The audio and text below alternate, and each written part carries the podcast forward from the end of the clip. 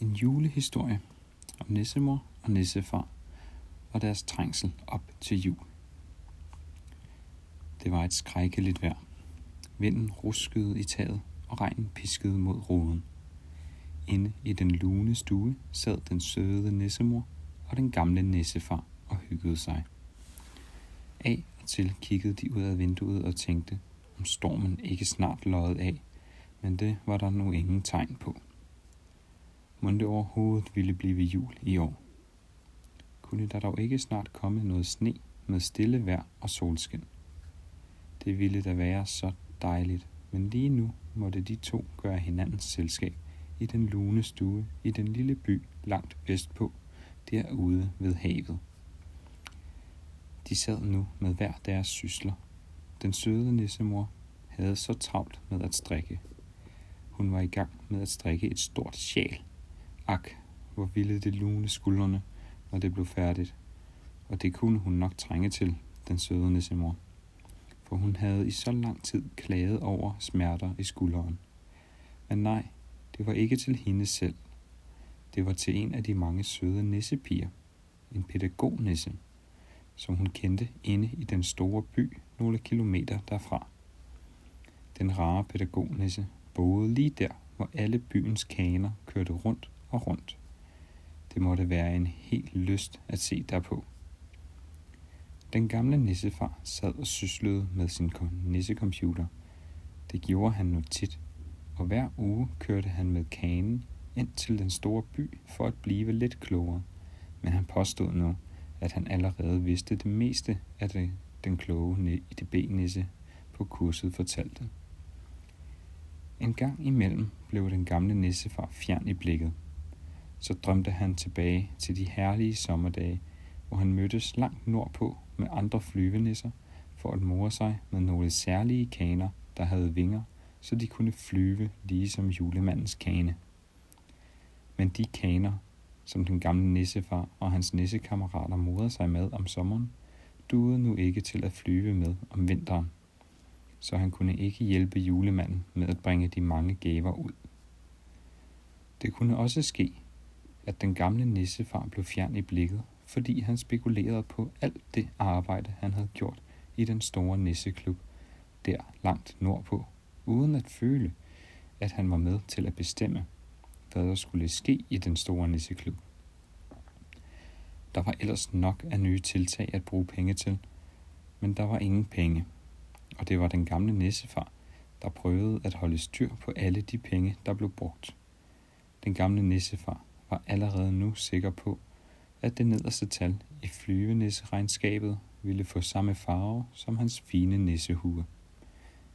Ak, somme tider blev det nu så sørgeligt at tænke på de problemer, og så i det herrens vejr, der var udenfor nu. Så kunne den gamle nissefar ofte drømme om den kommende sommer, hvor han nok var fri for alle problemerne og kunne koncentrere sig om at tage en flyvetur i en af kanerne med vinger, når han havde lyst. Den søde nissemor strikkede videre på det store sjal til den rare pædagognisse inde i den store by. Ofte kiggede hun op på den gamle nissefar og spurgte, om han havde det godt. Han sagde altid, at han havde det godt, men det var nu ikke altid, det var helt sandt. Han bekymrede sig meget om så mange ting, som nu den nisseforsamling, der skulle bestemme over alle nissehulerne i hele området, hvor den søde nissemor og den gamle nissefar boede i den lille by langt derude vestpå ved havet. Det havde været svært ved den sidste tid, og så her lige op til jul. Det var jo for skrækkeligt, som de havde været uenige.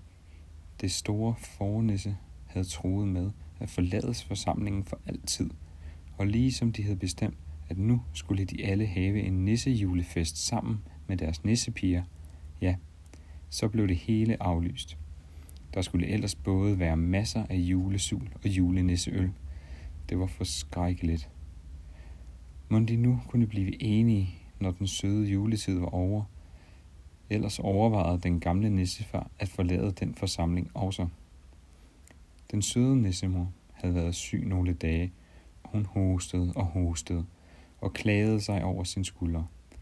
Nu var de ellers lige begyndt at køre med kanen ind til den store by og svømme i det varme vand i en meget stor, lun nissehule. Jo, det havde nu været dejligt at sidde der i det varme vand med sin store nissekrop og lade boblerne pludre omkring sig. Nu måtte det vente lidt, indtil den søde nissemor igen blev helt rask. Og så havde hun endda lige haft fødselsdag. Ingen kunne mere huske, hvor gammel hun var. Men fejres, det skulle hun. Så der var inviteret en masse nissepiger inde fra den store by. En enkelt renselinisse fra den lille by langt derude vestpå ved havet, og et par stykker, der skulle køre meget langt i kanen for at nå frem. Den søde nissemor og den gamle nissefar købte ind og kogte og brasede, så det var en lyst. Og fest blev der. Der var julenisseøl, og der var nissevin i den fine røde farve, som nissehuerne har. Alle nissepigerne snakkede i munden på hinanden, så hvis ingen hørte, hvad de andre sagde. Selv den gamle nissefar fik lov til at sidde ved bordet sammen med alle nissepigerne. Den søde nissemor stoppede igen med at strikke sjæl til den rare pædagognisse inde i den store by. Så spurgte hun den gamle nissefar, der sad fordybet i sin nissecomputer og var ved at lave en nisse hjemmeside, om det nu gik fremad med alle nissesangene. Jo, den søde nissemor og den gamle nissefar kørte en gang om ugen ind til den store by for at synge nissesange sammen med en hel masse andre store og små nisser. Den gamle nissefar var måske alligevel mest bekymret af de to, om det nu også skulle gå godt med at synge alle de nissesange. Nu nærmede tiden, hvor alle sangene gerne skulle være helt perfekte. De havde dog allerede sunget julesange i en anden lille by, hvor der engang havde boet en nissepræst, som både havde konfirmeret og videt den søde nissemor. Men det var nu så mange, mange år siden. Denne nissepræst fik en dag den idé, at han ville flyve langt bort til varmen med hele sin nissemenighed. Det synes en hel masse andre nisser var en god idé, og snart var præsten fuldt beskæftiget med at sende nisser sydpå i store flyvende kaner. Men ak, nu var det hele slut. Der var slet ingen mere i den lille by, der sendte nisser sydpå.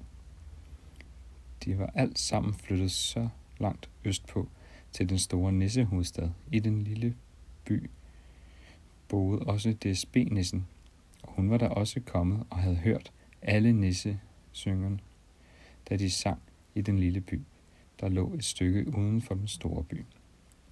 Syngenisserne havde både sunget om Rudolf og hvid jul, og der var en ren fryd. Inden længe skulle alle syngenisserne ind til midten af den store by og synge alle deres sange hele fire gange lige på de steder inde i den store by, hvor der gik allerflest fortravlede nisser frem og tilbage for at købe gaver og julesug. Måske ville nogen af de fortravlede nisser stanse op og lytte til syngenissernes smukke sang. Jo, den søde nissemor og den gamle nissefar glædede sig til at gøre alle de fortravlede bynisser lidt glade inden den store juleaften. Nu sagde den kloge værnisse inde i fjernsynet, at stormen ville løje af, og der ville falde et fint lag sne, og så ville solen skinne på sneen hele julen. Så var den søde nissemor og den gamle nissefar glade. Så ville det alligevel blive jul og de kunne synge de gamle julesange. Juleaften ville den søde nissemors nissedatter og hendes lille nissedreng komme på besøg. To dage senere ville den gamle nissefars nissebørn og den anden lille nissedreng komme på besøg. Måske ville der næste jul komme endnu flere små nissebørn på besøg. Så blev det alligevel jul igen i den kønne nissehule i den lille by, langt derude vestpå ved havet.